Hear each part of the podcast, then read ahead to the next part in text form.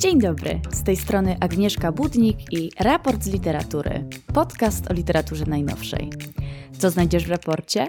Rozmowy wokół rynku książki, wywiady ze specjalistami i specjalistkami od literatur z zakątków globu, a w końcu solowe opowieści o literaturze, kontekstach, przekładach, problemach, nowościach i tym, co umyka w dyskusjach. Moje audycje powstają też dzięki wsparciu społeczności patronek i patronów. Jeśli ciekawią Cię działania raportu, możesz je wesprzeć dobrowolną wpłatą w serwisie patronite.pl ukośnik raport literatury. Dzisiaj rozmawiamy w siedzibie wydawnictwa Charakter. Jesteśmy w Krakowie e, razem z Przemkiem Dębowskim, e, współzałożycielem, dlatego że prowadzisz to wydawnictwo e, również z dwiema fantastycznymi kobietami, ze swoją żoną i z Małgosią Szczurek, która jest redaktorką naczelną, prowadzącą całą e, stronę literacką, językową. O tym jeszcze sobie porozmawiamy, natomiast chciałabym z Tobą dzisiaj porozmawiać o właściwie wielu rzeczach. E, troszeczkę już porozmawialiśmy sobie w kulisach o, o różnych kawałkach. Natomiast tak, w ogóle cześć Przemku. Dzień dobry. Wydawnictwo powstało w 2008 roku, jak sobie znalazłam, mm-hmm. z inicjatywy redaktorów Małgorzaty Szczurek, Magdaleny Hajduk-Dębowskiej i Przemka Dębowskiego, jak mówi Wikipedia, która jest mało rozwinięta, jeżeli chodzi o charakter. Mm-hmm. W każdym mhm. razie, to co mnie interesuje, dlaczego w ogóle przywołuję ten opis w Wikipedii, w tym samym roku utworzyło grupę wydawniczą z wydawnictwem Czarne. Mm-hmm. Grupa wydawnicza z Czarnym. Na czym to polegało? Polegało to na tym, że e, by, była nas trójka. E, Małgosia była od tekstów, ja byłem od grafiki, Magda była od wszelkich spraw organizacyjnych i prawnych i takiego zorganizowania naszej pracy. Natomiast e, nie byliśmy świeżakami. Każdy z nas miał za sobą kilka czy kilkanaście lat pracy w wydawnictwie i wiedzieliśmy, że do tego wszystkiego jeszcze potrzeba jakiejś sprawnej dystrybucji. Wiedzieliśmy, że jako takie świeżaki na rynku z małą ilością pieniędzy, bo zaczynaliśmy nasze wydawnictwo z 30 tysiącami złotych, absolutnie nie jesteśmy w stanie sobie zagwarantować tego, żeby mm, nasze książki trafiały do księgarni, więc mieliśmy takie poczucie, że potrzebujemy kogoś silniejszego, kto nas wprowadzi do księgarni w całej Polsce na e, własnych warunkach, bo e, od razu od samego początku byliśmy przekonani, kiedy założyliśmy charakter, że to nie ma być takie wydawnictwo dla zabawy, czy takie wydawnictwo butikowe, czy jakaś taka przestrzeń tylko po to, żeby realizować siebie. To jest bez sensu jak już się coś robi, to trzeba to robić, e, no kurczę, porządnie. Wydawnictwa są po to, żeby mm, no żeby docierać jednak do ludzi. Nam bardzo zależało na tym, żeby z naszymi propozycjami dotrzeć do czytelników i wiedzieliśmy, że musimy być w każdej księgarni w całej Polsce, a nie tylko w dwóch czy trzech i ewentualnie przez internet. No, co powiedziawszy, wiedzieliśmy, że jesteśmy za krótcy na to, żeby negocjować z dużymi sieciami e, dystrybucyjnymi e, warunki sprzedaży naszych książek. Pojechaliśmy do Moniki Schneiderman, do mm, Wołowca i właściwie podczas jednego spotkania ustaliliśmy wszystkie warunki. Ta nasza współpraca trwała aż do 2015 roku. Aż do 2015 roku naszym dystrybutorem było mm, wydawnictwo Czarne. Potem się to zmieniło, teraz dystrybuuje nas y, Helion, który jest, y, to jest też ciekawa sprawa, to jest firma o zupełnie innej filozofii niż Czarne. Gigantyczne wydawnictwo, mm, kilkaset tytułów, y, jeżeli nie pod tysiąc rocznie, jeżeli wziąć wszystkie ich imprinty i, i odnogi ale tak jak w Czarnym nam się pracowało bardzo dobrze i serdecznie, tak w Helionie również się nam pracuje bardzo dobrze i serdecznie, mimo tego, że są to firmy, które mają inny background, inne filozofie, inne w ogóle obszary działania, no można powiedzieć, że mieliśmy szczęście do y, naszych partnerów. Tak sobie myślę, bo chciałam zacząć od takiej frazy Dzień dobry, przyszłam pytać o zmory rynku i trochę też, dlatego że ponad 500 zaprojektowanych książek, po drodze Nikę, nagrody za projektowanie, za przekłady, które się dzieją w charakterze, za eseje dla autorów, autorek, przekładów i nie tylko. A jednak pojawia się post w wakacje, hmm. wakacyjną porą, y, bo jeden z czołowych wydawców, bo chyba tak trzeba też myśleć o charakterze, robi doroczną letnią promocję i mówi, parafrazując, jest niedobrze. I to robi wrażenie. Kończysz e, ten wpis, e, jeżeli dobrze pamiętam, wydawanie książek to byłaby fajna robota. Co jest nie tak? Oprócz tego, że wszystko i będziemy jeszcze sobie wałkować ten temat. nie tak jest to, że gofry kosztują 25 zł nad morzem. I to był bezpośredni impuls do tego, żeby, e, żeby coś takiego napisać, bo akurat wyjechaliśmy na wakacje z dziećmi polskie morze. Bardzo w sumie było przyjemnie, natomiast, natomiast y, zderzyłem się z wakacyjną y, rzeczywistością. No i obserwowanie, jak każdego dnia ci schodzi stówka czy dwie z konta, y, no to potrafi być dosyć, ja wiem, drenujące energetycznie. Zwłaszcza kiedy wiesz, ile trzeba się namachać, żeby to konto zapewnić i żeby jakaś cykliczność dochodów następowała. No więc mój emocjonalny post, który trochę się zbiegł z y, letnią promocją w naszym wydawnictwie. Y, Ale też otworzył dyskusję, bo potem się przetoczyły różne rozmowy i chociażby ta w małym formacie. Czy masz wrażenie, że był jakiś taki oddźwięk a propos wydawców? Wiesz co, chyba wszyscy się poczuli lepiej, że nam też się nie udaje.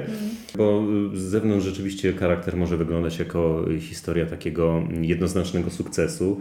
I rzeczywiście dużo sukcesów odnieśliśmy i nadal odnosimy. Jesteśmy niezależni, rzeczywiście wydajemy to, co chcemy. Natomiast no, jakby koszty, które ponosimy my jako firma, my osobiście, my jako pracodawcy, jako członkowie i członkinie społeczeństwa i tak dalej, no są ukryte i jakby tym się nie chwalimy, no bo jakby czym tu się chwalić. Każdy ma po prostu jakieś swoje, mm, jakieś swoje garby i krzyże, które musi nosić. No my mamy takie, że po prostu nie ma za dużo kasy, no ale to po prostu też jest doświadczenie chyba mm, zdecydowanej większości społeczeństwa, także teraz miesiąc po tym moim takim e, wybuchu myślę sobie, no w sumie to jakby nie żałuję, że o tym napisałem, ale też myślę, że to nie jest jakaś szczególnie niezwykła sytuacja. Mhm. Ale porozmawiajmy chwilę o tych ukrytych kosztach, bo to jest też coś dosyć e, mimo wszystko interesującego, o czym się nie wie. Na przykład nie wie się, dlaczego e, lepiej zawsze kupić bezpośrednio książkę u wydawcy, po prostu w jego sklepie internetowym, a nie e, dajmy na to w Empiku czy mm -hmm. po mhm. prostu w sklepie sieciowym. I wstawiłeś też, co jest dosyć mimo wszystko mm, odważnym ruchem właściwie, kiedy tak sobie pomyślimy o wielu wydawcach nie tylko tych butikowych, bo tu rzeczywiście istnieje ta transparentność i jeszcze Cię zahaczę o to, dlaczego Wy nie jesteście butikowi, bo to jest też ciekawe. Heli, hmm. okej, okay. E, to sobie przemyśl, ale wiesz co, ile zarabiamy na książkach? Odcinek ostatni, post kolejny. Charakter 6-8% ceny okładkowej, autor, autorka charakteru 8-10% ceny okładkowej dystrybutor powyżej 50% ceny okładkowej. No i jeszcze cena papieru oczywiście, która szalała i nadal pewnie szaleje. I potem... To się akurat trochę uspokoiło. Tak? No, po, prostu wskoczy, po prostu już nie rośnie. Mm-hmm. Dobra, bo no, książki są coraz droższe, jak wszystko. Nie? I mhm, pojawiają mm-hmm. się pewnie też takie, w pierwszym odruchu, takie myśli, że wydawca narzucił te ceny. Mhm, mhm, Co z tymi dystrybutorami? No do licha, no taki mamy, taki mamy model w naszym kraju. Tak się jakoś ukształtował. Ludzie y, pytają, jak to jest w innych krajach. W niektórych jest lepiej, w niektórych jest gorzej. W Polsce wygląda to tak, że y, rzeczywiście większa część pieniędzy y, z ceny okładkowej trafia do dystrybutora i oczywiście on ma swoje koszty. Natomiast no jeżeli książka kosztuje 50 zł, no to powiedzmy te 25 zostaje, zostaje po stronie właśnie dystrybutora i on to się jakoś musi sobie z tego opłacić swoją logistykę, podzielić się rabatem z księgarniami i tak dalej. Są kraje, w których ta marża dystrybutora jest wyższa, jest ich bardzo niewiele, ale są. W Izraelu na przykład te marże sięgały jakiś czas temu 70% bodajże. Ale są kraje, gdzie ona jest zdecydowanie niższa i nie wiem, wynosi 30-40%. No u nas jest akurat tyle, a ponieważ, ponieważ roczny, roczna wartość polskiego rynku książki to są mniej więcej obroty jednej z większych spółdzielni mleczarskich Polsce, to no nie ma tej kasy za dużo na rynku, w związku z czym każdy jest jakoś yy, przewrażliwiony. Ludzie mają straszny przykurs, jeżeli się mówi o pieniądzach. Po prostu jakby to była nie wiadomo jaka tajemnica. Prawda jest taka, że z wyjątkiem powiedzmy może paru jakichś takich największych graczy, no to jest bida na tym rynku. Bida, nikt na, za wiele nie ma, nie ma, nie ma się czym za bardzo chwalić, nie ma też yy, yy, jakby nad czym rozdzierać szat. Inne branże mają, może mają więcej pieniędzy, na przykład mleczarska. Yy, wydawnicza ma ich nie za wiele, więc ja też nie za bardzo mam yy, jakby opory o tym, żeby mówić, że no nie wiem, no zarabiamy tyle, a tyle, jakby tyle pieniędzy nam zostaje. Co, co mnie czasem triggeruje, ale też jakby rozumiem, że to nie wynika ze złej woli, to, to właśnie takie głosy, że o Jezu, jakie książki są drogie już kurczę naprawdę nie będę porównywał do ceny kawy czy pizzy i tak dalej, ale jakoś tak jest, że niektóre rzeczy Polacy kupują mimo tego, że są drogie, a innych nie kupują mimo tego, że po prostu wydają się im drogie, jak na przykład książki, no nie? Mieszkanie na kredyt za dwie banki, ok, ale książkę za pięć dych już, już nie bardzo. No ok, no jakby każdy ma swoje priorytety i, i, i ja też to rozumiem i sam nie kupuję za dużo książek bo mnie po prostu kurczę na to nie stać. Mam abonament na Legimi i się cieszę, że dzięki temu mogę sobie miesięcznie przyswoić właściwie powiedzmy, nie wiem, 70% tego, co się, co się ukazuje na polskim rynku wydawniczym. No nie? A papierową książkę to kupuję od wielkiego, yy, wielkiego święta. No czy są drogie książki? Kurczę, nie wiem. Może są drogie dlatego, że mnie po prostu na nie nie stać, ale czy jakby z drugiej strony patrząc y, wydawnictwa na tym i autorzy i cała ta rzesza twórców na tym zarabia jakieś kokosy? No nie zarabia, dlatego wszyscy są po prostu podenerwowani, przemęczeni, jadą na 15 etatach i co jakiś czas przetacza się przez naszą, naszą, naszą, y, nasze literackie pole, bo to jest słowo roku po prostu 2023, pole pole literackie przytaczają się y, grzmoty, a to tłumaczy, a to redaktorów. Po prostu nie ma pieniędzy, nie ma. I jedni mówią, że nie ma, i wydawcy nie mają i pieniędzy, i autorzy nie mają pieniędzy, i tłumacze nie mają pieniędzy. Wszyscy do dupy zarabiają w tym biznesie. Po prostu z tym się trzeba y, pogodzić i czasami robi się człowiekowi przykro.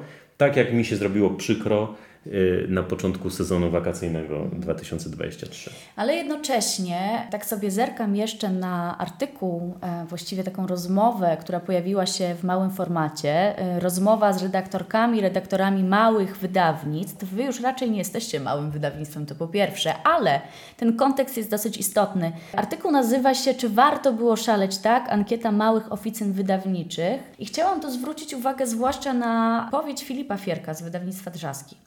No bo jasne, jest tak jak mówisz, ale z drugiej strony y, jest kilkoro wydawców czy graczy, którzy zarabiają. I teraz jest pytanie, dlatego że okej, okay, jest pewna luka, Polacy mniej chętnie też kupują książki papierowe, co jest też no właśnie podyktowane chociażby kwestią ceny, inflacji i całym tym tutaj gospodarczym zawirowaniem. Natomiast z drugiej strony no jest nadprodukcja, jak mhm. zwraca uwagę Filip Fierek na rynku. Książek jest mnóstwo, gdzie się nie wejdzie, czy byle jaki kiosk, czy cokolwiek. Tego jest mnóstwo, literatury jest mnóstwo.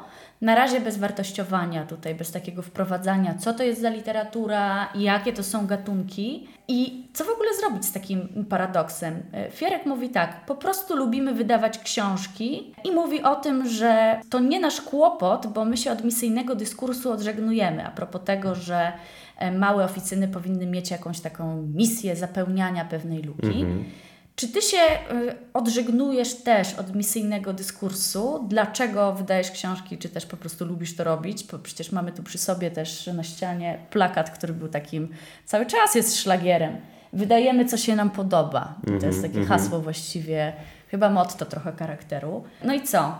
Misyjny dyskurs, to co nam się podoba, dlaczego to robisz? No sam się zastanawiam w tym momencie już trochę.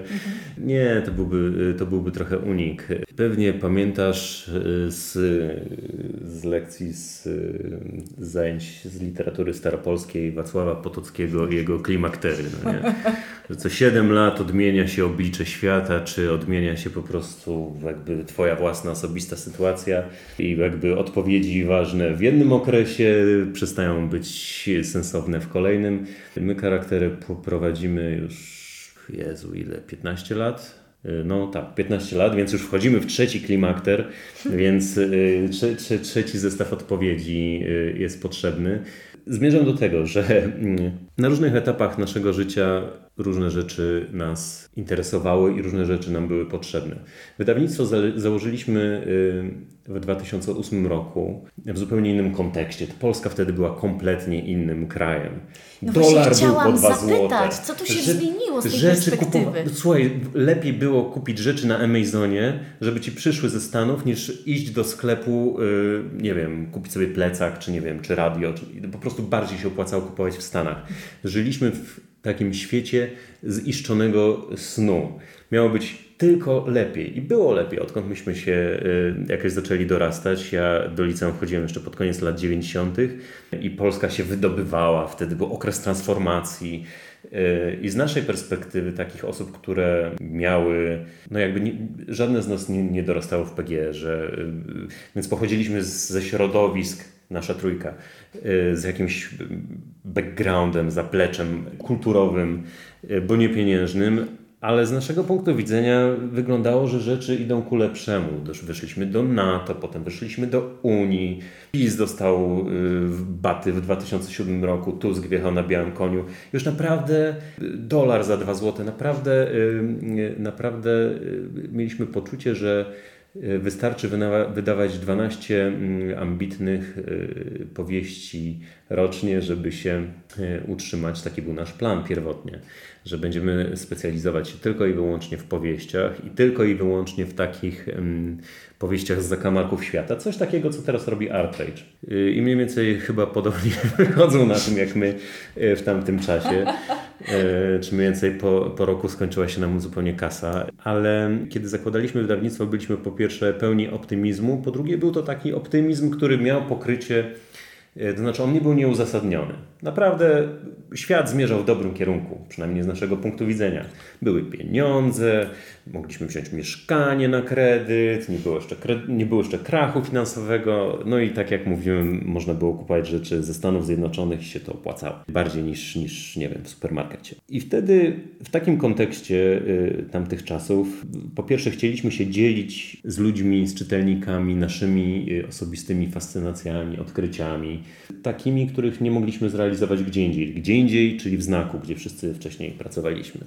Mieliśmy takie poczucie, że dużo rzeczy y, przemyka niezauważonych y, i że jakby i literatura, jakaś taka wrażliwość i, i znowu pole, pole literackie skorzysta na tym, jeżeli wstrzykniemy trochę y, takich świeżych, świeżych ciał z, z, ze światowego obiegu kultury. kultury. No więc ta, taki mieliśmy kiedyś y, pomysł na, na prowadzenie naszego wydawnictwa. Potem jakby on, on nie sprawił się, bo mm, mieliśmy za mało pieniędzy, żeby to robić sensownie. Jakby robiliśmy po, powolutku nasze wydawnictwo. Najpierw jedną książkę, potem drugą. Trzeba by, żeby taki interes dobrze rozkręcić, to trzeba po prostu walnąć 20 książek na dzień dobry i wtedy y, masz jakiś obrót. No, nie? no ale to oznacza, że trzeba trzeba mieć pieniądze na inwestycje. Coś takiego zrobiło wydawnictwo Filtry dwa czy trzy lata temu. Od razu zaczęli, e, zaczęły dziewczyny publikować dużo, mm, dużo książek, no i jakby zupełnie innego pułapu startują. Ten rozruch ich wydawnictwa zajął o wiele mniej czasu niż, niż naszego. Ale to, że nam te nasze pierwotne założenia się nie sprawdziły, e, jakby pozwoliło nam samym trochę siłą rzeczy poeksplorować pod pewnym przymusem, no bo musieliśmy coś wymyślić, żeby nie zamykać, nie zamykać e, charakteru. Ale to się wiązało też z jakimś naszym osobistym rozwojem, z jakimś y, poszukiwaniem własnych pasji, dowiadywania się nowych rzeczy. Nagle okazało się, że nie ma w ogóle książek w Polsce o, o designie czy architekturze. To była kompletna pustynia. Jak się powiedziało w 2010 roku słowo design, to po prostu ludzie nie wiedzieli, co to, co to, co to znaczy. Pamiętam jeszcze, że malowałem mieszkanie w 2010 roku i poszedłem do Castoramy i była farba, która jest do dzisiaj, do wnętrz po prostu e, Be Becker's Designer. Pani mówiła The Singer. Taki był mniej więcej, mhm, nie wiem, kontekst. Mhm. Więc okazało się, że i o designie, i o architekturze można ciekawe rzeczy powynajdować i, i, i powydawać. W międzyczasie okazało się, że Susan Zontag jest do wzięcia, co nas otworzyło na jakąś eseistykę. Potem się skończyła żyła złota designerska, architektoniczna, bo jakby temat zrobił się już jakby rozchwytywany i oklepany i no i jakby wypalił się, bo ile można wydawać książki o tym samym. Też znowu tych dobrych tekstów nie masz tak wiele. Mhm. I w pewnym sensie prowadzenie wydawnictwa stało się dla nas takim sposobem na, na samoedukację czy na rozwój samych siebie. To brzmi dosyć tak y, górnolotnie, no ale po prostu jak chce się wydawać dobre teksty z jakiejś dziedziny, no to trzeba się w niej jakoś w miarę orientować. No a potem przychodzi oczywiście też zmęczenie materiału, przychodzą jakieś frustracje. Y, u nas one były związane głównie z tym, że, mm, że nigdy, no nigdy po prostu nas nie było stać na to, żeby y, jakby zrealizować wszystkie własne pomysły. No nie? W pewnym sensie jesteśmy takimi no nie wiem, idealnymi self-made menami, bo naprawdę zaczynaliśmy od tych 30 tysięcy złotych i nikt nam nigdy więcej nie dał, nie pożyczył i tak dalej. Nie zbankrutowaliśmy, teraz prowadzimy firmę, która ma tych obrotów rocznie w sumie nawet nie wiem ile, 4 czy, czy 5 milionów, więc jest to taka klasyczna opowieść od zera do bohatera, no nie? Natomiast ten, ten y, koszt y, prowadzenia powoduje, koszt taki psychiczny prowadzenia wydawnictwa, y, no powoduje, że też się zmienia optyka i też się zmienia kontekst. W 2008 roku były jakby krytyka literacka wyglądała inaczej. W ogóle nie było. Facebook był jeszcze po angielsku, po polsku tylko w, w Polsce, nie miał polskiego interfejsu. O Instagramie nikt nie słyszał. E, TikToka dopiero Chińczycy projektowali w swoich laboratoriach tajnych, więc zupełnie inny był charakter rozmowy, inny było.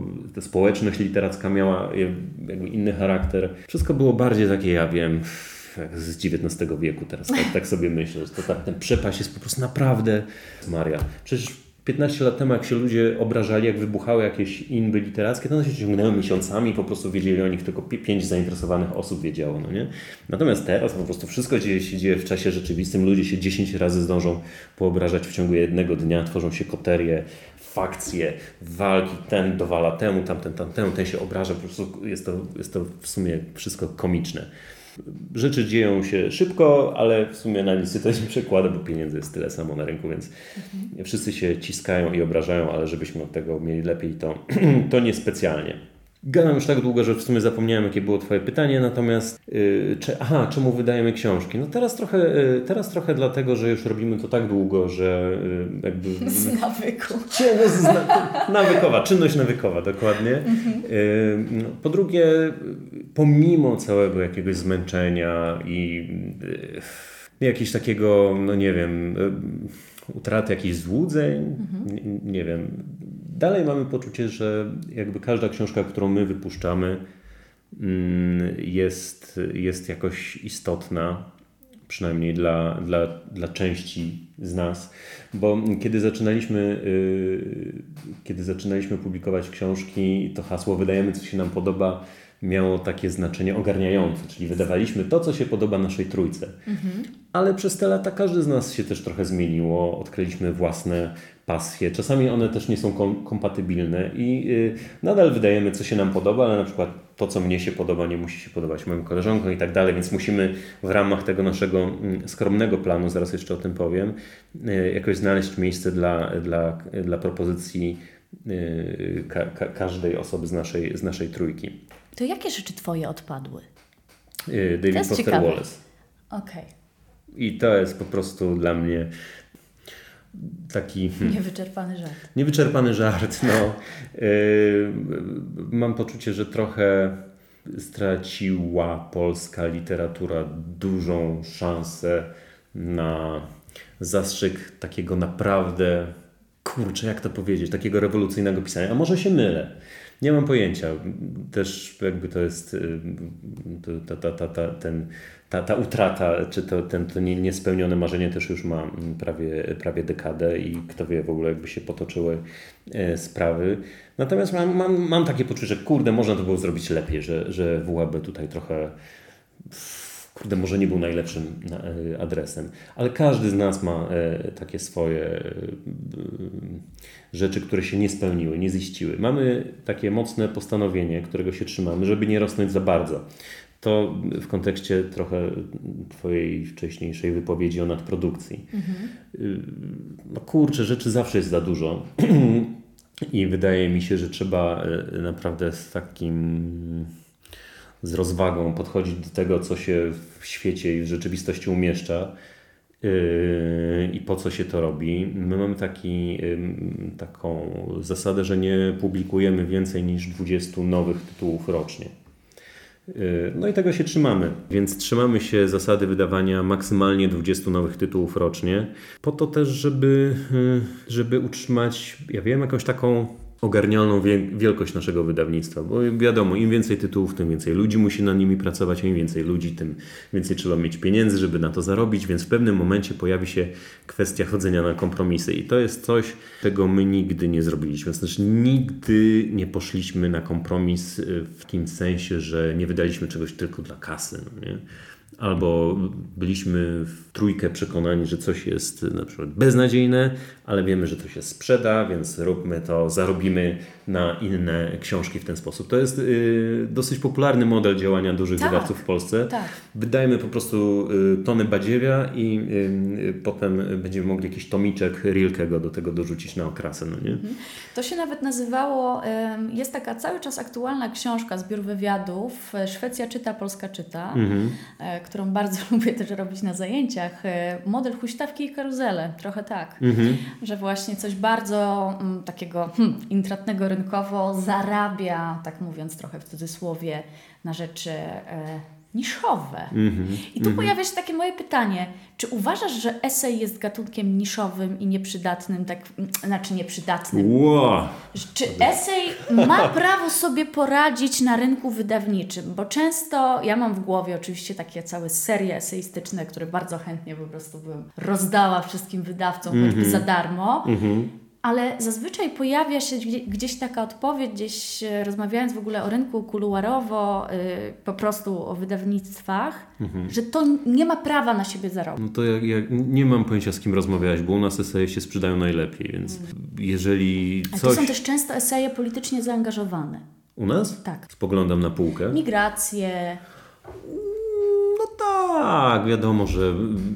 A czy coś nie jest polityczne? Prawa kobiet, to jest bardzo dobre pytanie. No, Oczywiście, że nie. Unikowe, ale, ale tak, no, no pewnie, że esej to jest taka, taki worek, do którego po prostu strasznie tak rozmaite można rzeczy po, powrzucać, że ciężko, ciężko w ogóle znaleźć jakiś wspólny mianownik i powiedzieć sobie, że okej, okay, esej się świetnie sprzedaje. Jasne, że te nasze rzeczy feministyczno-kobiece to jest po prostu taka lokomotywa, Naprawdę polecam wszystkim mizoginom, którzy prowadzą wydawnictwa, wrzućcie sobie trochę esejów feministycznych, to Wam będzie zarabiać na te Wasze smutne opowieści. Ale... Yy, hmm. Ja na przykład, kurczę, ja strasznie lubię esej. Porozmawialiśmy też już o tym trochę, kto ustawia ofertę, bo jak rozumiem, po prostu ścieracie się w trójkę mhm. e, i wybieracie kolejne pozycje do, hmm, mówiąc e, górnolotnie, portfolio charakteru. Kilka serii również się tutaj pojawia. Która jest dla Ciebie flagowa? Która Tobie przynosi najwięcej takiej frajdy?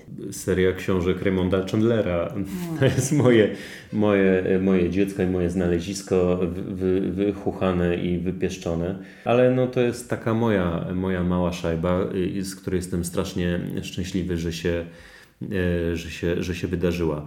Z jakiej serii jestem zadowolony? Y, no z tej naszej studni bez dna, jaką jest seria prozy, bo no, na, na zarób człowieku na prozie to naprawdę jest niezły wyczyn. Zdarzają się aberracje, takie, które mnie strasznie cieszą, jak na przykład Szczodrość Syreny Denisa Johnsona, który maleńki zbiór w sumie niełatwych chyba opowiadań, a, a zarobił na siebie i, i, na inne książki także ho, ho. Pozdrawiamy Krzysztofa Majera, który zapewne nas słucha. O Jezus Maria, to jest po prostu czysta, czysta przyjemność, y, praca po prostu z taką osobą. To jest w ogóle, o, pytałeś wcześniej, co jest kręcące w tej, w tej, w tej robocie.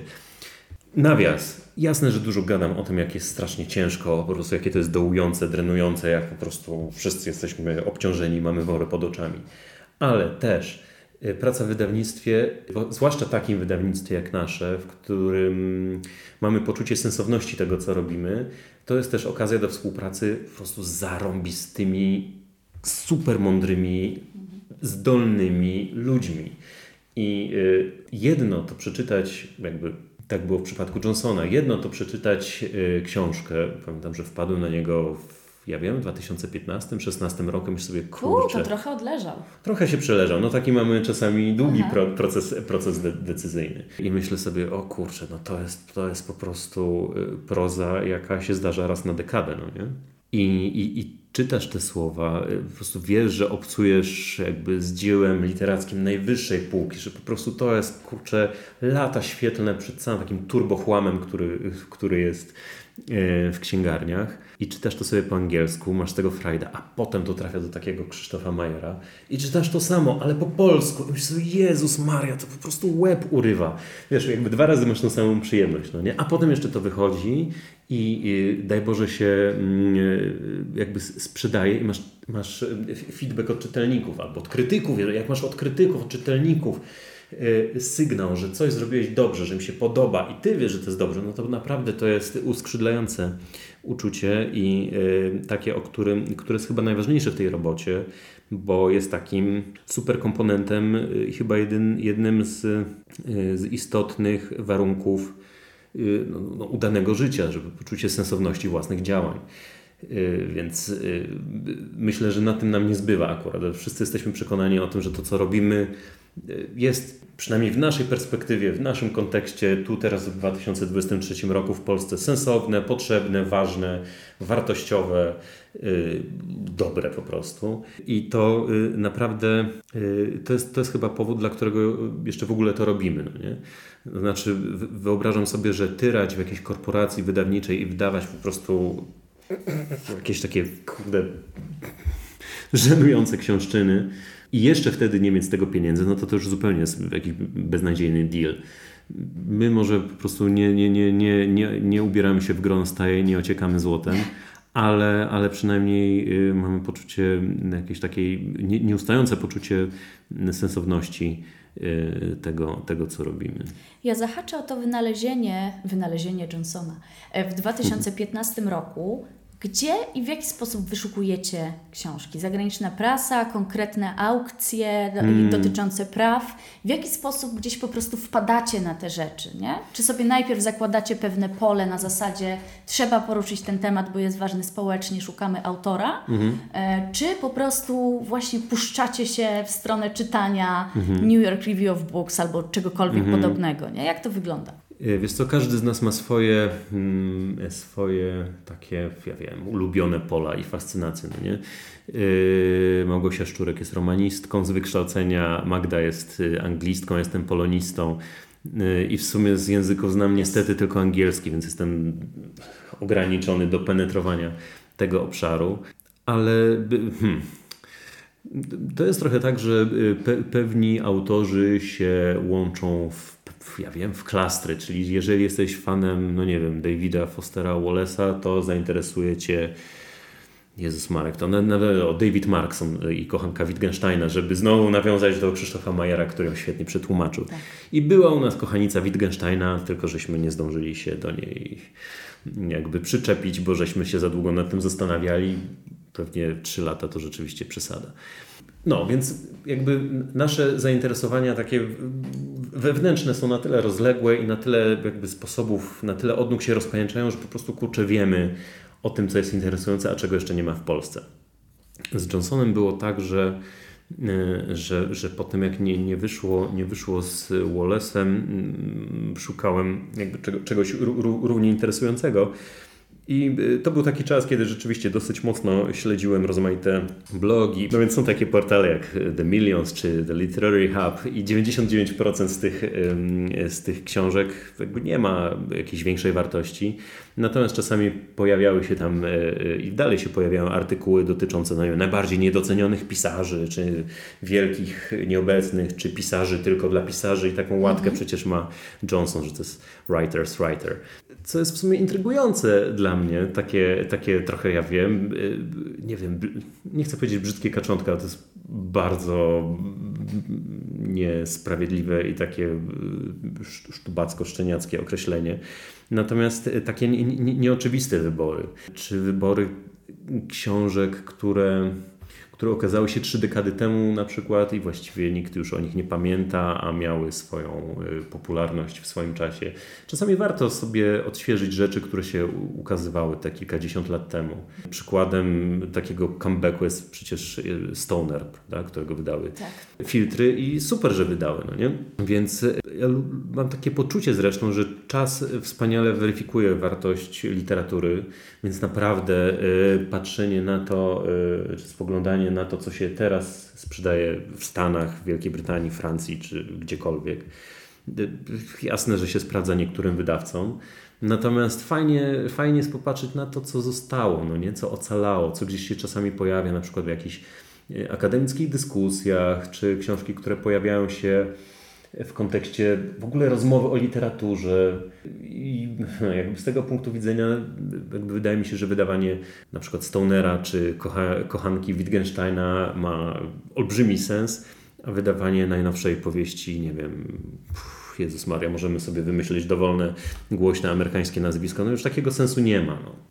Nawiązałeś już kilka razy do krytyki literackiej i w ogóle tego, w jaki sposób krytyka się również zmieniała, ale zanim zapytam Cię o krytykę i tym, kto jest dziś dla Was krytykiem i krytyczką i w jaki sposób, czy być może też nawiązujecie pewne współpracę z krytykami bądź krytyczkami, ale to za chwilę. Chciałam Cię jeszcze zapytać um, o jedną sprawę. Od 2008 roku prowadzicie wydawnictwo. E, rozmawialiśmy sobie o tych siedmioletnich cyklach. Oczywiście, jak się wszyscy zmieniamy, ja się z tym zgadzam. I wiemy też, w jaki sposób Wy się zmieniliście, a jak zmienił się czytelnik. Jakie mody też pisarskie czy, czy literackie gdzieś zauważałeś? I czy one Ci przeszkadzają, czy nie. Jakie były może takie właśnie gdzieś, wiesz, mhm. boomy tematyczne czy zainteresowań od 2008 roku? O Jezu, boomy towarzyszą mi właściwie odkąd, odkąd zacząłem pracę y, w tej branży, jeszcze jako y, taki y, pośredni terminator w wydawnictwie Znak, to był 2003 rok. Z głowy wymienię kilka. Był boom na... Czy kto to, kto to w ogóle pamięta? Dzienniki niani? Niania w Nowym Jorku. O, właśnie, coś takiego było. To był wielki, olbrzymi sukces wydawnictwa Znak, które wydało książkę o Jezus Maria, naprawdę 2003 rok, e, które e, to był jeden z pierwszych chiklitów. Na początku była w ogóle Helen Fielding i, e, i Bridget Jones i wszyscy wydawcy po prostu chcieli mieć jakieś chiklity. Znak ucapił tą nianię w Nowym Jorku, nasprzedało tego strasznie dużo. E, potem 2004 rok zaczyna się era Henninga Mankela w wydawnictwie WAB i nagle wszyscy po prostu chcą czytać skandynawskie kryminały. Potem wjeżdża jeszcze seria Millennium parę lat później i po prostu naprawdę każde wydawnictwo musiało mieć skandynawski kryminał. No nie? W międzyczasie zrewitalizowała się polska proza gatunkowa kryminalna, no więc teraz po prostu każde wydawnictwo musi mieć swojego Maxa Czornyja. Y, I, Może y, nie. Może lepiej nie. Może lepiej nie. Czy Remigiusza Mroza, do którego kompletnie nic nie mam. Uważam, że po prostu dobra literatura, czy w ogóle literatura gatunkowa jest jakoś tam potrzebna. Jest potrzebna, nie jakoś tam. Jest potrzebna, po prostu nie czepiamy się literatury gatunkowej. Ale mo mody w świecie literackim y, zazwyczaj wyglądają tak, że jakieś wydawnictwo trafia na tytuł, który się zaczyna świetnie sprzedawać i potem po prostu wszyscy dookoła zastanawiają się, jak to skopiować. Okej, okay, media rodzina ma Harry'ego Pottera, kurde, to my wydajemy może Eragona y, Christophera, jakiegoś tam, nie pamiętam jak się nazywa. Po prostu każde wydawnictwo chciało mieć swojego Harry'ego Pottera. Czytałam, no nie? czytałam. Nikomu, kurczę, to nie wyszło, no nie? Tylko medii rodzinie się ten, jakby to tak, y, tak to działa, że, że, że jest ten y, lider, który ma to szczęście, że znajdzie jakimś trafem coś, co się sprzedaje po prostu w setkach tysięcy egzemplarzy, i duże wydawnictwa uznają, że to jest, być może słusznie, że to jest, że skoro komuś wyszło, to u nich też wyjdzie, ale nikomu jakby się jakby skala tego, tego, y, tego czegoś nie, nie, y, nie, nie powtarza. No. Zastanawiam się, czy my, y, to znaczy my w ogóle się po to nie podczepiamy, bo po pierwsze nie mamy kasy, po drugie nie ma to kompletnie najmniejszego sensu, bo jakby naprawdę jest za dużo interesujących i wartościowych książek, które chcemy wydawać. żeby jeszcze, żebyśmy się mieli rozdrabniać na jakieś mody. To, to, to kompletnie, to, to, to jest żenujące. To jest po prostu, kurde, po prostu, wiesz co, zaczynam się zapalać coraz bardziej, ale zastanawiam się, e, e, jakby co motywuje ludzi, którzy wydają książki dla pieniędzy. Bo to, to jest naprawdę, jakby, nie wiem, sprzedawać, nie wiem, kurde, lody, nie, nie odkurzacze. wiem. Od, odkurzacze na Saharze, no nie? O, mniej więcej to jest, nie, nie wiem, czy to jest dobra metafora. Bez sensu. To jest zła metafora. Natomiast y, chodzi mi o to, że w tym biznesie nie ma kasy. Jak ktoś idzie po to, żeby robić kasę w książkach, to po prostu ma nierówno pod sufitem. Więc naprawdę do, do y, biznesu wydawniczego lepiej, żeby szli ludzie, którzy są przekonani do tego, że kurde warto. Yy, co warto? Że warto. Że warto, że, że, wa, że warto, że warto yy, jakby dzielić się jakimś czym, czymś dobrym, no nie? a nie produkować klony czyjegoś y, pomysłu, który jakoś tam y, chwycił. Więc y, wymieniłem tutaj trochę takich, nie wiem, takich, no nie wiem, złotych strzałów, Potter, Mankel, Potem trylogia Millennium. No oczywiście cała literatura auschwitzowa, którą wydawnictwo Margines po prostu wjechało na pełnej pycie. I chyba nawet nie mają poczucia żenady, że, że, że wprowadzili tego typu książki na polski, na polski rynek. I masa komercyjnych wydawnictw y, podchwyciła temat i pojawiły się książki na temat rozmaitych ścieżek zawodowych w Auschwitz, prawda? Mam poczucie, że wydawcy nie są tego, żeby zaspokajać wszystkie potrzeby i zachcianki rynku i że czasami warto się zastanowić nad tym, co w ogóle wypychamy do księgarni i co to zrobi z ludźmi i, i co na przykład wypchnie z księgarni, bo przecież te wszystkie książki, te beznadziejne, badziewne, niepotrzebne, głupie, szkodliwe, y, amoralne y, książki o tatuażystach z Auschwitz y, powodują, że ludzie może kurde w ogóle jakby sięgną, nie, sięgają po coś, co może ma większą wartość, no nie? Mhm to wie, no, może by sobie ludzie kupili, nie wiem, jakiś fajny kryminał, no, nie? zamiast tatuażysty z Auschwitz i przynajmniej jakiś polski autor by się ucieszył, bo ma tam wpadło parę groszy, no, nie? To zaczepię Cię. Zaczepię Cię no. jeszcze właśnie o tę krytykę literacką, którą wywołałam, żeby tu się pojawiła. Jak to dzisiaj wygląda? Dlatego, że e, przypominam też sobie mm, taką rozmowę, którą, e, której Ty byłeś gościem mm, w trakcie festiwala, e, w, w trakcie festiwalu Konrada kilka lat temu. I ona nazywała się Czy Instagram promuje czytelnictwo? Trochę wyprzedziła chyba nawet swoje czasy ta rozmowa, e, chociaż sądzę z, róż, z różnych powodów, że trzeba by było ją powtórzyć, bo miała duży potencjał, który się nie do końca zrealizował. I zastanawiam się nad tym, co Ty sądzisz dzisiaj o krytyce literackiej, kto jest dla Ciebie krytykiem, krytyczką i jak wygląda, nawet nie chcę mówić, że współpraca, ale może rzeczywiście współpraca, czy jakaś relacja pomiędzy wydawnictwem a krytykiem, krytyczką? Mhm. E, no więc teraz muszę się zastanowić, jak e, ułożyć moją wypowiedź i oczywiście e, mówiąc to cały czas się zastanawiam, żeby po prostu nie stać się biedną ofiarą, którą rzucą na pole minowe. Jakby striggeruję wszystkie tutaj, łańcuch wybuchów się wszystkim ponarażam. Na, na, najpierw opowiem Ci o swoim pomyśle, który e, Zapraszam. wpadł mi e, do głowy parę lat temu. Mianowicie e, pomysł był to taki, jest kompletnie utopijny, chyba nierealizowalny, a, a kto wie, może, może realizowalny. Wymyśliłem sobie, że byłoby fajnie, żeby czy wszystkie wydawnictwa, czy te największe, czy chętne, przeznaczały, y, zadeklarowały się, żeby co, co miesiąc przeznaczyć jakąś kwotę na opłacenie krytyki literackiej w Polsce. Uu. Jakby takich wydawców było powiedzmy ileś, no oni wpłacają pieniądze do jakiegoś operatora, ten operator ma po prostu trzech krytyków, którzy miesiąc w miesiąc nie, nie robią nic innego, piszą po prostu recenzje książek. Nie wiadomo, kto wpłacił kasę, nie wiadomo, ile jakby pieniędzy y, wpłynęło. Nawet może być y, tajna lista po prostu tych sponsorów. Chodzi o to, żeby nie było takiego poczucia wdzięczności, no nie? czy zobowiązania, mm -hmm, że tak. o tutaj WLK mi wpłaciła tam 10 tysięcy na ten fundusz, no to ja napiszę ładnie w książce WLK. Nie, właśnie to powinno być albo tajne, albo z automatu, ustawowo, nie mam pojęcia. Kurde, chodzi o to, żeby po prostu krytyka w, literacka w Polsce żeby było takie miejsce, gdzie e, jest po prostu pięcioro, czy dziesięcioro, czy trójka e, super specjalistów. E, no i sobie po prostu piszą książki, piszą recenzje książek. Nie są jakby zobligowani, żeby one na, coś za, zarobiły te recenzje, nie są uwarunkowani jakimiś takimi więzami towarzyskimi, w sensie, no wiem, że to wydawnictwo jakby sponsoruje moją pracę, więc ja się odwdzięczę. Byłoby super, po prostu gdyby istniała taka w pełni niezależna, zawieszona w próżni, odcięta totalnie od internetu, y, bańka krytyczno-literacka. I portal do tego, na te recenzje. I, i portal. I to byłoby super. To znaczy. Yy, o, zapaliłam Ci do tego pomysłu. Jeżeli ktoś nas słucha i ma po prostu nadmiar pieniędzy, albo wie, jak zorganizować coś takiego, to jakby spokojnie zachęcam do, do, do realizacji. Dlaczego to moje marzenie tak wygląda? Bo mam poczucie, że. Yy, po, podobnie jak wszyscy w naszej branży, tak krytycy i krytyczki literackie, o czym zresztą często jakby słychać na Facebooku, też są ludzie, którzy, którzy no nie z tego żyją.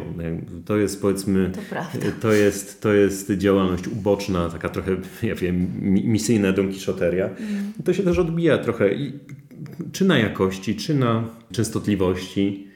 Fajnie byłoby mieć miejsce, w którym to jest to jest, to jest takie trochę, nie, nie, wiem, teraz jak o tym opowiadam, to brzmi to straszliwie naiwnie i jakoś tak wydaje mi się łatwo, łatwo to wykpić, ale w gruncie rzeczy wydaje mi się, że jest we mnie taka, taka tęsknota za, za, za, za, za kulturalnym miejscem do wymiany wyważonych opinii, gdzie nie realizuje się jakichś osobistych, y, czy gdzie wpływu nie mają jakieś osobiste animozje, gdzie nie trzeba walczyć o uwagę, y, o pieniądze, o, y, o jakieś rozpoznanie.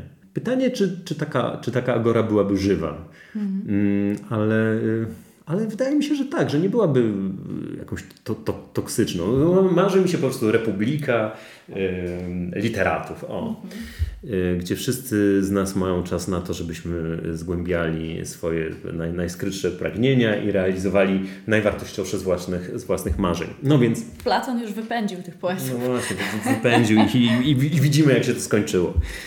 Ale no niestety, no krytyka literacka w Polsce to jest po prostu jak, jak, jak, jak, jak, cała, jakby, jak cała branża, to jest element y, ży, życia w kapitalizmie. No nie? I ten krytyk musi kurczę na coś z, zarobić sobie na, na jedzenie, na, na mieszkanie.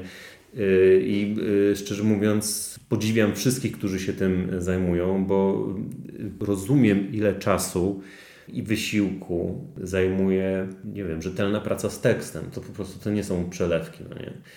Na dobrą sprawę, na dobrą sprawę przecież można powiedzieć, że, że, że jakąś taką porządną recenzję yy, powinno się pisać, ja wiem, dwa tygodnie, no nie? Włącznie z czasem na, na lekturę. Tak, tak, nie? przygotowaniem i kontekstem. No, yy, żeby to miało ręce i nogi, żeby to było pożyteczne, a wydaje mi się, że mało, mało kto ma na to, yy, na to przestrzeń. To chyba tylko jacyś dziedzice fortun, a jakoś nie widzę e, takich w naszej, w naszej branży. No, ten cały wielki, przydługi wstęp zmierza do tego, że że no trochę kompletnie, nie, kompletnie nie wiem co powiedzieć. Wydaje mi się, że, e, że, że większość sądów, które każdy z nas wypowiada o książkach, mm, jest obarczona jakimś, jakimś szumem, który który nie ma żadnego związku z omawianym dziełem. No nie? Czasami ten, ten szum jest jakby bardziej dominujący w danym tekście, czasami mniej.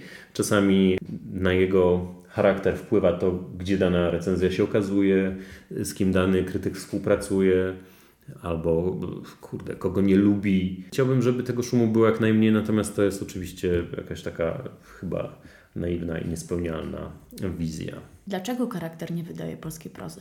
Bo bardzo mało jest dobrej polskiej prozy. Yy, jest... Mam, czy mam elaborować?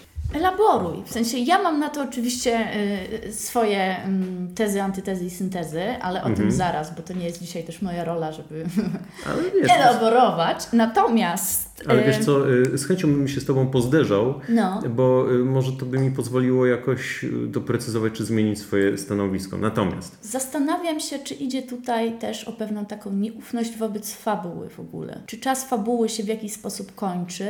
Mam pewien problem z taką tezą, że Mm, istnieje kryzys fikcji, bo, bo to jest taka teza, która rzeczywiście mm, wśród pewnego wydawcy gdzieś została wypowiedziana. Nie będę wskazywać palcem, ale też nie o to zupełnie chodzi, dlatego że to że chyba jest takie przeświadczenie, które do pewnego stopnia dzielimy. No i wypada to oczywiście, skąd to się bierze? Raz, że oczywiście cały ten obrót akademicki, który kiedyś dzierżył właściwie, mm, siedział sobie w wieży z kości słoniowej i pisał recenzje dla wąskiego grona specjalistów i zajawkowiczów w liczbie trzech mhm. i nie miało to żadnego sensu. Y, natomiast dzierżył pewne narzędzia, które mhm. są absolutnie wyuczalne i absolutnie do zbudowania. Chodzi przecież przede wszystkim o interpretację. Gdzieś tam chuchanie na te interpretacje, uczenie się tego, to wymaga też jakiejś takiej E, wyświechtane słowo oczywiście przez wiadomy kontekst, ale takiej czułości wobec tekstu, takiego mhm. nastrojenia. Bardziej chodziłoby mi o taką czułość, właśnie mhm. dostrojenia się do tekstu, Pewne też wiedzy o sytuacji społecznej, bo, bo rzeczywiście teksty krytyczne bywają uniwersalne, ale to jest ich zagrożenie, dlatego mhm. one raczej lepiej działają w takim kontekście konkretnym danego miejsca, chociaż bardzo lubię eseje literaturoznawcze, e, które ukazują się e, w uniwersytasie, ale to jest moje takie skrzywienie akademickie, bo to jest absolutnie nie do czytania gdzieś mhm. po prostu tak, o, wsiadam w pociąg, lekka lekturka, co mi tam powiecie. Mhm. Dlatego ja też lubię bardzo Waszą serię o pisaniu, czy mhm. tutaj sobie patrzę na Flannery O'Connor, czy... Boże, ona jest wspaniała. Tak, no. na Margaret Atwood, mhm. ale... Myślę sobie, że to w ogóle jest pewien problem, dlatego że um, tutaj ja będę właśnie elaborować chwilę, dawaj, wybaczcie. Um, mamy taki moment, w którym bardzo nas dojechały w ogóle narracje o kryzysie, mhm. wszelkim, mhm. nie? I tutaj mamy kryzys oczywiście, bo, to są oczywistości, ekonomiczny, mhm. mm, kryzys związany właściwie no co, z antropocenem, czyli tą taką erą już, w której jesteśmy, że człowiek za bardzo wszystko tutaj pozmieniał w mhm. środowisku naturalnym. No i teraz mamy tego konsekwencje niesamowitych ulew, które działy się wczoraj, e, czy po prostu przedziwnych temperatur i tak dalej, i tak dalej. Chociaż niektórzy będą dalej gdzieś zaprzeczać, że to nie istnieje. Natomiast... E, dzieją się takie rzeczy. My też chodzimy wokół tych takich rozmów o problemie, kryzysie. I teraz tak, pojawia się polski pisarz, który chce napisać książkę. I pojawia się ciekawa sprawa, bo kilka dni temu jeszcze Olga Wrubel na Kurzojadach wrzucała książkę. To jest książka, która jest świetna, nie wydaje jej nikt. Mhm, mhm. I mm, tutaj uruchamia się we mnie taka pewna rzecz, bo powstaje coraz więcej. Mm, na początku byłam do nich sceptyczna, ale można zrobić to dobrze. Kursy pisania, które tak naprawdę są pewnym warsztatem właśnie mhm. pracy z tekstem, z interpretacją, z pewnym zrozumieniem mhm. elementów, które muszą zagrać gdzieś w tekście. Też tekst rozumiem dosyć szeroko, film, serial, mhm. bo tutaj wychodzimy od takiego tekstocentrycznego świata. I e, oczywiście młodzi autorzy mają teraz problem na zasadzie, mm, i to też podpowiada się na kursach czasami, i to jest oczywiście ważne, rozpoznaj wydawcę. Mhm. I wielu daje się zwieść oczywiście czemuś takiemu, że no pewnie, no chcę być wydanym, być może wiąże z tym jakiś, jakąś swoją przyszłość, a tak naprawdę pewnie dodatek do pensji, bo tak to niestety działa jak na razie. Ale może napiszę coś, co wstrzeli się w trend. Małe mhm. ojczyzny, mhm. gdzieś tego mhm. typu kawałki. Albo szybko coś zrobię z językiem, albo opiszę, nie wiem, sytuację, no właśnie, ha, włączam się znowu, tatuażysta z Auschwitz, nie? Um, chociaż to przekład. W każdym razie, ale mamy też niestety polskie tutaj takie odnogi tego, tego całego biznesu. I co może sobie, na co może sobie pozwolić pisarz? Bo weszliśmy w takie uwikłanie gdzieś, e, powiem tutaj brzydko terminem, heteronomii, gdzieś tam mhm. zbliżenia się właśnie do mediów, mhm. do prywatnych wydawców, w ogóle do biznesu prywatnego oczywiście, ale to niesie za sobą szereg konsekwencji i ogranicza pewną taką, um, takie pisanie bo chcę tak zrobić, chcę mm -hmm, tak napisać. Mm -hmm. Dzisiaj, jeżeli chcemy opublikować w jakimś wydawnictwie, które sensownie nam powiedzmy, że zapłaci, chociaż nie są to oczywiście jakieś niewiarygodnie jakie mm -hmm. kwoty, to trzeba też wiedzieć, jaki profil ma ten wydawca, bo on może po prostu pewnych rzeczy nie, nie wydać. I mhm. pisze się często też pod wydawcę. Mhm. Więc tu jest jeszcze ta kolejna rzecz, nie? I e, teraz toczy się właściwie takie trochę uświęcanie, że nową nadzieją jest Mateusz Górniak. Ja się z tym nie do końca zgadzam, z wielu powodów, raczej tutaj takich krytyczno-literackich, ale dla mnie to ujawnia jakąś tęsknotę za awangardą w mhm. ogóle. Nie? Mhm.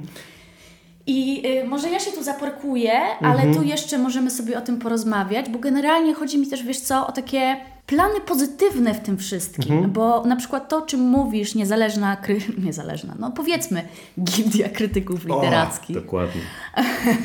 z własnym herbem, zawołaniem i tak dalej, jest też elementem takiego planu pozytywnego, który też oczywiście będzie oddziaływał nie tylko na krytykę i wydawcę, ale też na autora czy autorkę, nie? Dźwię, dźwięczą mi we łbie Twoje słowa dotyczące, dotyczące fabuły. Mm, y, Bo może odwykliśmy trochę od fabu ze względu na też y, percepcyjne sprawy. Serial Słuchaj. nas trochę poszatkował, chociaż bywają wspaniałe. Tak, ale jakby zmierzam Tak. do tego, dla, dlaczego nie ma polskiej prozy w charakterze i moja odpowiedź wydaje się trochę głupia, ale ona jest jakby w 100% prawdziwa, bo nie ma po prostu wybitnej polskiej prozy.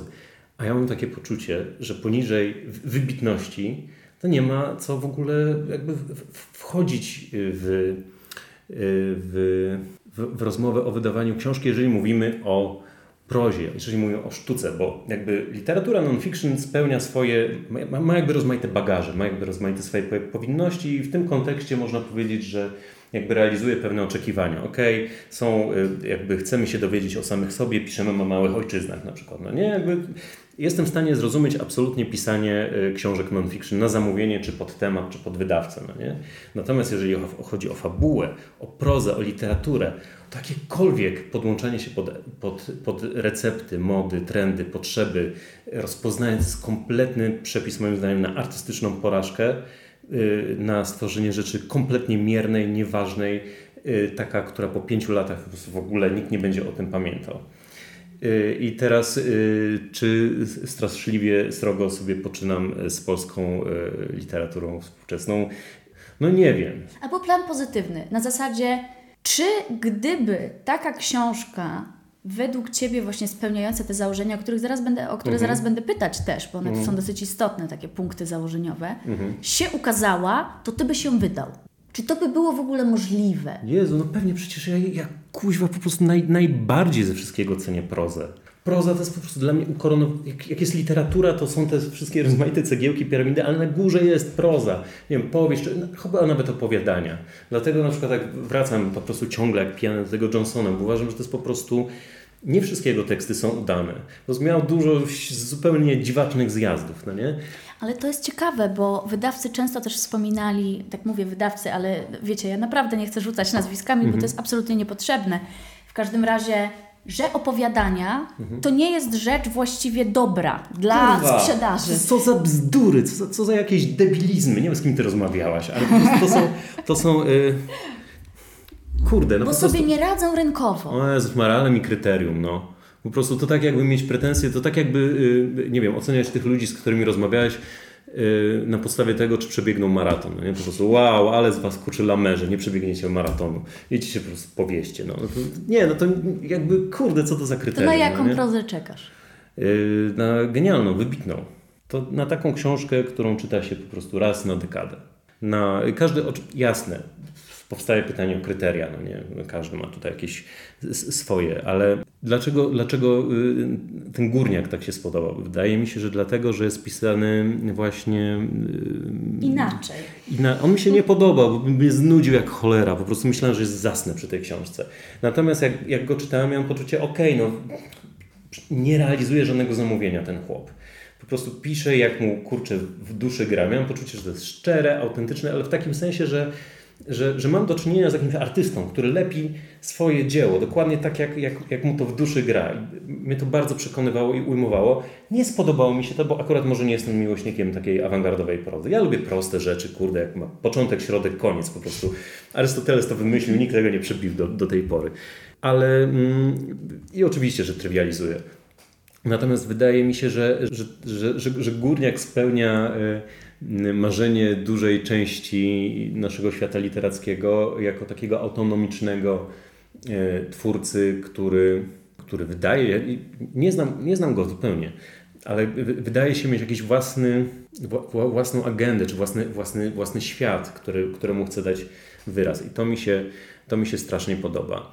Wydaje mi się, że pisanie prozy to jest ten element, w którym to jest ten obszar naszego świata literackiego, może poezja pewnie też jest taka, że po prostu twórca ma absolutną autonomię.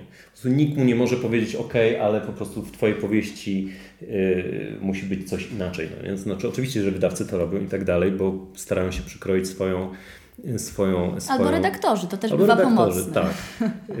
Starają się przykroić właśnie y, jakby tą, tą materię literacką do jakiegoś swojego wyobrażenia. No nie? To czasami może mieć mm, zaskakujące efekty, tak jak mamy historię współpracy Gordona Lisha z Raymondem Carverem, no nie? który wziął rozwlek, rozwlekłe opowieści Carvera i je przykroił na swoją, na swoją modłę i zrobił z Carvera supergwiazdę. Mm, więc jakby działa to nawet na tych szczytach parnasowskich, no nie, można powiedzieć, że, że geniusz się jakoś obroni przed manipulacjami, czy wyjdzie z nich zwycięską ręką. No, ale, ale kurde, po, po co się zajmować tworzeniem, jeżeli się nie chce jakoś, kurde, zrobić czegoś, ja wiem, nowego, po swojemu, mieć jakby kompletnej kontroli nad tym. Os osoby, które piszą powieści, yy, nie mówię tu, o, o, znowu jest bardzo umowne, ale nie mówię tu o takiej literaturze powiedzmy gatunkowej, która ma pewien jednak bardzo charakterystyczny zestaw mm, wymagań, które muszę, musi, musi spełnić. No nie? Jednak raczej lepiej, żeby się okazało, żeby narrator nie był mordercą, no nie? bo inaczej Agato Christie wylecisz ze Związku Pisarzy Kryminałów. No, nie? no jest pewien zestaw reguł, które trzeba przestrzegać, ale, ale jeżeli mówimy o, o, o poezji czy o prozie, to jest po prostu, kurde, to poletko to sakrum, którego po prostu nie można zbrukać y, takim myśleniem pod, pod, pod, pod publiczkę. Po prostu, kurde, nikt ma ci się w to nie wpieprzać. O, ta, takie powinno być nastawienie twórcy, no nie? No masz A hasło na nowy plakat. Nie wpieprzać mi się, dokładnie. No. no. Nie, no dlatego wiesz, jakby mam poczucie, że jeszcze nie mieliśmy takiej prozy w charakterze. Takiej propozycji, która byłaby tak, tak bezkompromisowa, tak wiesz, tak śmiała, tak tak też kompletna i tak jakoś zbieżna z naszymi, wiesz, zainteresowaniami, bo też ka każdy z nas ma swoje preferencje. Może, wiesz, może trafiały się takie książki, które jednej osobie z nas bardziej pasowały, a pozostałym nie i tak dalej, no nie? Mhm. No to jest spe specyficzna sytuacja, gdzie ten triumvirat musi dać kciuk w górę jakby, wspólnie, no nie? E, dlatego to też pewnie ogranicza możliwości publikacji w charakterze, bo pożenić po prostu nasze preferencje to jest, kurde, naprawdę jazda, jazda bez, y, bez, bez trzymanki. To było o krytyce, to teraz zapytam o coś, co właściwie e, miało być wypadkową krytyki, chociaż bywa z tym różnie. O nagrody literackie. I zastanawiam się, na ile, e, bo ja oczywiście mam też swoje sądy, ale na nich, o nich już nie będę elaborować, to się wydarzy może jeszcze książkowo, doktorato, doktoratowo, ale mm, same sobie, czy są wsparciem promocyjnym i nakładowym? No, to zależy jakie, ale tak, raczej tak. Nike super. Tak? Mm, mm, no, przynajmniej w naszym przypadku myśmy dostali w 2018, to wtedy jeszcze to po prostu był kosmos. Mhm. Marcin Wicha, który dostał Nikę za rzeczy, których nie wyrzuciłem, no to go jakby wstrzeliło na nowy poziom. Jego książki były nawet w Biedronce. No nie? więc to są te zyski. W ogóle się tam nie sprzedawały, to też e, Ale zastanawiam się, na ile to nie są jakieś takie, wiesz co, e, rzuty mimowolne na zasadzie po prostu Marcin Wicha napisał świetną książkę. Mhm. Nie, no bo rzeczy, które otrzymują nagrodę Nike, y, wcale nie tak często odnoszą jakiś niewiarygodny sukces. Mm-hmm, nie? W mhm. ogóle takim śmiesznym tutaj, znaczy śmiesznym, zabawną anegdotą jest to, że pierwsza Nikę to był Myśliwski oczywiście, ale to Karczuk nie dostała wtedy Nikę, w tym samym rozdaniu. Mm-hmm, nie? I mm-hmm. potem koleje losu potoczyły się, jak już wszyscy wiemy. Oczywiście Tokarczuk później dostała Nikę yy, i to nie raz, natomiast yy, no właśnie zastanawiam się, na ile jeszcze nagrody literackie są w stanie na przykład, nie chcę mówić wylansować, bo to jest jednak nagroda za, ale stworzyć karierę.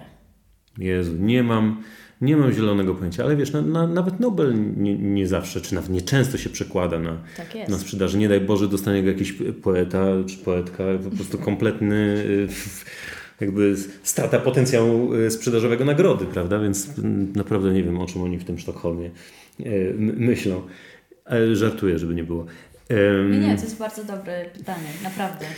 Wiesz co, kiedyś, kiedyś tych nagród było, w ogóle nie było. Była jedna Nike, no nie? I po prostu ona się rzeczy miała e, nie, nie, nieprawdopodobny rozgłos i potencjał. No nie? Teraz właściwie co miesiąc są trzy nagrody Wszystkie miasta w Polsce już chyba przyznają nagrody literackie. Mm, w ten sposób spełniają jakieś swoje, nie wiem co, budżety na kulturę przeznaczone. Co bywa też problematyczne potem, no bo tak, rzeczywiście no. to wykorzystuje budżety danej, nie wiem, miasta, gminy na działania e, literackie, artystyczne. Dokładnie i to się jakby spala cały budżet w jeden wieczór. No tak. Nie? Więc też, też, mam, te, też, też mam tutaj mieszane uczucia. No wiesz, nie dostajemy tych nagród literackich aż tak strasznie dużo, żebym mógł tutaj jakby... No, nominacje. Wiesz, no, nominacje czasami. Ale też nagrody za projekty. No to w ogóle nie ma znaczenia. W ogóle? Nie, w ogóle co ty. Nie, nie, nie. Y, w ogóle, w ogóle wygląd książek nie ma w Polsce znaczenia. Totalnie. Wszedłem sobie kiedyś, y, to moja ulubiona anegdotka ostatnio, wszedłem sobie kiedyś na portal Lubimy Czytać, bo był akurat jakiś artykuł na temat czy plebiscyt na temat najpiękniejszych okładek książek. No oczywiście wszedłem tam po to, żeby zobaczyć, czy są moje. I kurczę, nie było. Natomiast było, było bardzo dużo okładek e, takich z literatury gatunkowej właśnie, kryminały, fantazy, właściwie fantazy naj, najwięcej i takie young adult książki, no nie? E, to są wszystko okładki, które często są w ogóle bardzo ładne, I one, ale one są zrobione według pewnej, wymogów pewnej konwencji no i więc ludzie oceniają, po prostu, kurde, ładne, piękne, jakby są zżyci z tymi, z tymi książkami. Yy, więc kurde, czy książki mają, czy, czy to jak książki wyglądają ma, ma jakieś specjalne znaczenie dla sprzedaży? Nie mam, nie wiem, może w naszej bańce trochę tak, ale chyba już coraz, coraz, coraz mniej. Też jakby coraz ładniej wyglądają te książki, no, coraz lepiej, więc jakby o ile kiedyś książki charakteru jakoś bardzo odstawały od tego, co było w, w księgarniach, to teraz odstają tak może to trochę. No. Czasami zdarzają się takie zupełnie nieprzewidziane hity, choć się stawia i zakłada, że ta konkretna książka, która jest przecież taka wspaniała i ją sprowadzamy do oferty, albo chcielibyśmy sprowadzić, będzie takim hitem, a nim nie jest na przykład. Co Ciebie zaskoczyło, jeżeli chodzi o sprzedaż na przykład charakteru? Co jest takim węgierem? Żeby Ci odpowiedzieć, to musiałbym zajrzeć do, do planu, czyli co myśmy w ogóle wdali, bo już pozapominałem wszystko. Co jest super hitem? Yy, ciekawe jest to, jak, jak odmienne książki potrafią być hitami i na przykład miesiąc po miesiącu. W sierpniu zeszłego roku wydaliśmy tą Szczodrość Syreny Johnsona, a miesiąc później Patryka Pufelskiego Pawilon Małych Ssaków. Oba super hity. Znaczy obie, obie książki miały dodruk, sprzedają się do dzisiaj równo. Pufelski zaraz będzie miał chyba trzeci dodruk, więc... A zapytam z ciekawości. No. Powrót do Rę. Yy, no fajnie się sprzedał. I chyba nawet... Bo to jest książka trudna. Y, no. Tak, ale ona też była na Konradzie, to, była, to było też takie spotkanie. Ale jest to, jest to wstydzie. Małgosia Szczurek mówi, że jak książki, że jak cokolwiek o wstydzie, to się sprzeda, więc naprawdę to jest chyba takie nośne, nośne uczucie. A Rebeka Solnit? Y, Rebeka Solnit y, doznała z nią mam duży problem. zmęczenia materiału, natomiast ale no. Natomiast zaczynaliśmy, zaczynaliśmy, to znaczy wszystkie książki się sprzedają, wszystkie, wszystkie chyba tytuły były dodrukowywane, może oprócz tego największego zewu włóczęgi. Ale no, zarzuty są takie, że ona ciągle gada to samo, to po pierwsze. Mm, no, no tak, no, tak, chociaż yy, yy, dlatego teraz wydaliśmy yy, jej ostatni tom esejów Róże Orwella, jakby z, z, w zupełnie innym kierunku idzie. Mhm. I też ma inną okładkę, bo chcieliśmy go inaczej trochę spozycjonować. Ale ta jej pierwsza książka, Mężczyźni objaśniają mi świat, jakby do dzisiaj po prostu schodzi. Od 2017 roku zrobiliśmy, ja wiem, to jest 5, 6 7 do druków nie mam pojęcia, ile tysięcy tej książki sprzedaliśmy, ale na pewno powyżej 30. No więc jak na polskie warunki, to oczywiście to jest mega bestseller. Moje pierwsze spotkanie chyba z charakterem polegało na właśnie trochę takim mariażu, że tak powiem, akademickim pod tytułem Zajęcia o interpretacji Susan Zontag, o interpretacji. Mm-hmm. No i potem oczywiście nie da się nigdzie zdobyć tej książki w bibliotece, to jest zazwyczaj niemożliwe, bo wszyscy się rzucają w jednym momencie i, mm-hmm. i pozdrawiam, polecam. Potem to się niestety nielegalnie kseruje. E, no, ale jeżeli zostało mało czasu, bo zajęcia są jutro, mm-hmm. no to pozostaje poszukanie. No i tak gdzieś sobie trafiłam na przeciwinterpretacji i też się zastanawiam, na ile mm, właściwie macie monopol na Zontag. Mhm. Jak Zontag stoi w całym tym kawałku? Pytam też z ciekawości, chociażby przez mój wcześniejszy materiał, który chciał jakoś mhm. opracować właśnie twórczość Zuzan Zontag. To są po prostu Wasze książki. Mhm. E, jak to wygląda? Wiesz to no Zuzan Zontag w ogóle uratowała nam tyłek w 2009 roku, bo gdybyśmy, y, gdyby Małgosia Szczurek nie wymyśliła, że może warto odświeżyć o fotografii, które nie było od 1986 roku wydawane w Polsce, to, e, to, to, pewnie byśmy sobie teraz już nie rozmawiali, bo to był super hicior. Po prostu tak, jakbyśmy wydawali papieża, naprawdę. Kurczę, książka kosztowała 54 zł w 2009 roku, no to było sporo. To tak jakby teraz kosztowała, ja wiem, 75, 80, a w sumie nie jest jakaś wielka, wielka książka, 256 stron.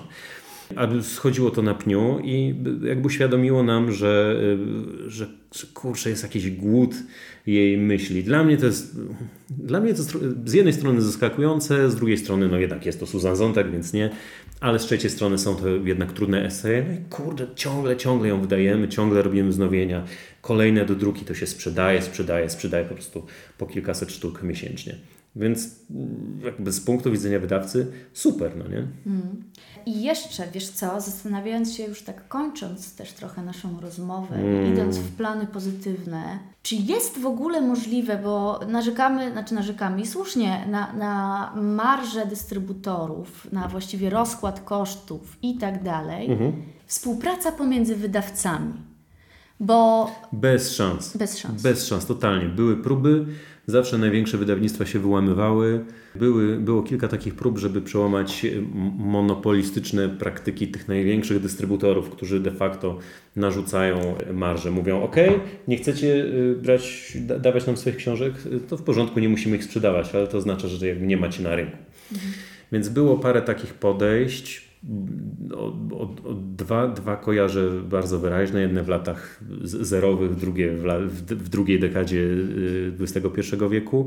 I za każdym razem duże wydawnictwa y, jakby w pewnym momencie wyłamywały się z takich wcześniejszych ustaleń wydawców, którzy y, które zmierzały do tego, żeby po prostu przestawać dawać nowości do, do, do dużych sieci dystrybucyjnych, żeby wymusić na nich bardzo cywilizowane warunki współpracy. I za każdym razem te duże, duże wydawnictwa jakby znajdowały jakby większy sens w tym, żeby się dogadać z dystrybutorem niż, niż żeby mm, jakby solidarnie z branżą współpracować. Zresztą wiesz, w Polskiej Izbie Książki, która jest, są podzielone zdania co do jakby sensowności jej istnienia. Y, ja akurat jestem przekonany, że, że, że super, że istnieje taka instytucja i że warto do niej należeć, chociażby po to, żeby ją przebudowywać w jakiś sposób, żeby spełniała swoje zadania, czyli y, wspierała wydawców. Natomiast w Polskiej Izbie Książki są, są też dystrybutorzy, co to jakby po prostu do, do, nie wiem, do kurnika wpuścić pięć lisów i z, zrobić z nich w ogóle radę nadzorczą. No nie? Trochę jakby jest, jest to bez sensu, no ale, ale tak jest. Natomiast powstała ostatnio w Piku mm, sekcja małych wydawców. Magda, moja żona To brzmi jej... jak, wiesz co, e, no. drużyna orlików. Bardzo to jest takie urocze. Tak, no, sekcja małych wydawców. Ale słuchaj, jest, jest tam y, 10 czy 11 wydawnictw w tym momencie. Magda, moja żona, jest jej przewodniczącą. No i y, plan jest taki, żeby po prostu być w tym gremium, patrzeć, co tam się dzieje, żeby przynajmniej decyzje, które zapadają, w Polskiej Izbie Książki, żebyśmy byli ich świadomi. No nie? Może jest to jakiś początek. Może coś z tego wyjdzie, może nie wyjdzie, ale moim zdaniem jakby obrażanie się na instytucje i jakby uważanie, że da się coś sklecić alternatywnego, no chyba raczej jest skazane na porażkę. To znaczy Mogłoby to się udać, gdyby po prostu, gdybyśmy wszyscy mieli za dużo czasu i pieniędzy, ale jest dokładnie odwrotnie. No nie? Mhm. Przecież nikt z nas jeszcze nie będzie robił e, równoległego, e, nie wiem, stowarzyszenia e, wydawców w taki sposób, żeby to miało ręce i nogi, żeby było skuteczne, żeby miało jakąś siłę lobbującą, bo to jakby do tego się sprowadza. No nie? Nikt z nas nie ma na to siły. Więc wydaje mi się, że, że taki, taki, taki kierunek zmian obliczony pewnie na długie lata jest, jest, może bardziej, jest może bardziej sensowny. Rozmawialiśmy też e, postulatywnie, więc tak na koniec masz jakiś swój postulat, manifest, myśl, którą chciałbyś gdzieś puścić dalej. Mam taki... Może to być będzie dobrze. Nie, ja, ja, ja mam taki... Mam taki postulat, żeby, żeby się tak jakoś straszliwie nie przejmować. Myślę, że każdy ma swoje jakieś problemy, czy jest, kurczę, technikiem masarstwa, czy cukiernikiem, fryzjerem, mechanikiem samochodowym. Każdy po prostu Y, ma, y, ma w jakimś momencie podgórkę. No my w naszej branży mamy tak, jest za mało pieniędzy, y, nikt nie ma na wszystko czasu, ludzie się kłócą, są przewrażliwieni, połowa z, ze środowiska jedzie na prochach. Okej, okay, no po prostu no tak jest. Jakby Nie chciałbym, żeby taką esencją naszego, naszej rozmowy było, był, był jakiś mm, żal, resentyment, jakiś bunt, mm -hmm. bo to jest w sumie niedojrzałe. No kurde, no po prostu tak jest, takie mamy rączki, takie mamy nóżki, po prostu róbmy, e, e, starajmy się robić to, co uważamy za najbardziej sensowne. Ku chwale literatury. Ku, że zawałam jak gildia tak, krytyków. Ku, ku, ku chwale literatury, I, ale też po to, żeby jakoś ten świat polepszać. No cholera, po to jesteśmy w tym biznesie. Ja tak mi się wydaje. Ja się zgadzam. I dzięki, dzięki za tę rozmowę. Dziękuję.